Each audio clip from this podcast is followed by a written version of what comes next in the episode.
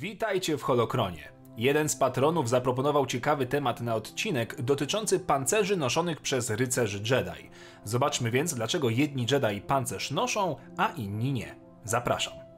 Zacznijmy od tego, co mamy w oficjalnym kanonie. Tu istnieje coś takiego jak pancerz Jedi Commandera, czyli dowódcy.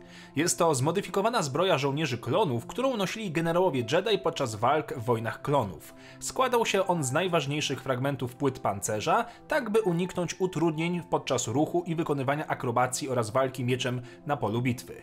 Dla Jedi z tej epoki noszenie takich pancerzy było czymś stosunkowo nowym, bowiem od czasów Wysokiej Republiki dominowały głównie luźne szaty.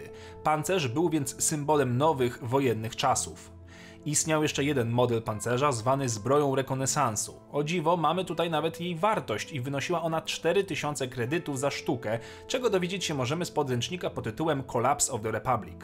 Pancerz nosiła większość generałów podczas wojen klonów. Obi-Wan Kenobi nieraz zakładał na siebie zmodyfikowaną zbroję klonów. To jednak wszystko, co możemy wycisnąć z kanonu w tym temacie. Czas więc na legendy. Tutaj robi się nieco ciekawiej.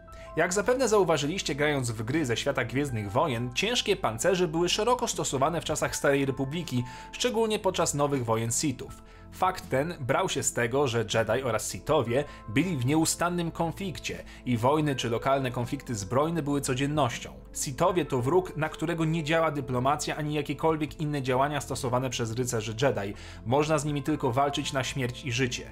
To zmusiło zakon do uzbrojenia swoich rycerzy po zęby. Podstawą były naramienniki i przednia płyta pancerza, ale niektórzy Jedi nosili pełną zbroję płytową, zakładając nawet hełm. To jednak nie odbywało się bez konsekwencji. Utrudniało bowiem ruchy, co przekładało się z kolei na połączenie z mocą. Większość zbroi była jednak dość lekka i wygodna. Wciąż jednak daleko im było do tego, co oferowały zwykłe szaty Jedi, dające maksymalną swobodę ruchu. Te jednak nie miały zastosowania na polu bitwy, gdzie broń blasterowa była używana zaraz obok mieczy świetlnych. Lord Hoth podczas tworzenia Armii Światła zadbał o to, by każdy Jedi posiadał chociaż lekki pancerz. Noszenie pancerzy zaczęło się już w erze Pius Dia na 10 tysięcy lat przed rokiem zerowym. Jedi nosili wtedy ciężkie metalowe zbroje z rogatymi hełmami.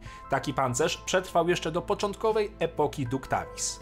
Podczas Wielkiej Wojny Galaktycznej i Zimnej Wojny w latach po podpisaniu traktatu na Korsent wielu rycerzy Jedi nosiło jeszcze części lub całe pancerze, gdy szli do bitwy. Podczas bitwy o Rusan wielu Jedi dostosowywało i modyfikowało swoje zbroje, podczas gdy niektórzy woleli w ogóle pancerza nie zakładać. Mniej więcej w czasie Wielkiej Wojny Galaktycznej zbroje Jedi były zwykle wyposażone w kamas, czyli niewielki skórzany pancerz. Po reformacji na Rusan, Jedi, rozwiązawszy swoją armię, porzucili również noszenie pancerzy. Te wróciły dopiero podczas kolejnego wielkiego konfliktu zbrojennego, jakim były wojny klonów. Zdarzali się Jedi, tacy jak Bardan Yusik, którzy do walki zakładali pełny Beskargam, czyli tradycyjną zbroję Mandalorian.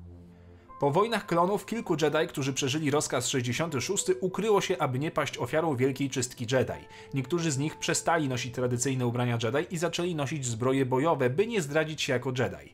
Inni z kolei uzupełniali swoje tradycyjne szaty o kawałki pancerza, tak też noszenie zbroi zatoczyło koło. Gdy nastał czas nowego zakonu Jedi, zbroje odeszły w zapomnienie, tak by Jedi mogli maksymalnie skupić się na walce bez żadnych ograniczeń. Nawet gdy przyszła wojna z Yuzan Wongami, Jedi nosili raczej obcisłe i wygodne kombinezony, unikając pancerzy. I to tyle w temacie pancerzy noszonych przez Jedi. Dajcie znać o czym chcecie kolejny odcinek lub proponujcie mi je bezpośrednio, jeżeli jesteście patronami. Dziękuję Wam za wsparcie na serwisie Patronite, odwiedzajcie Discorda i niech moc zawsze będzie z Wami.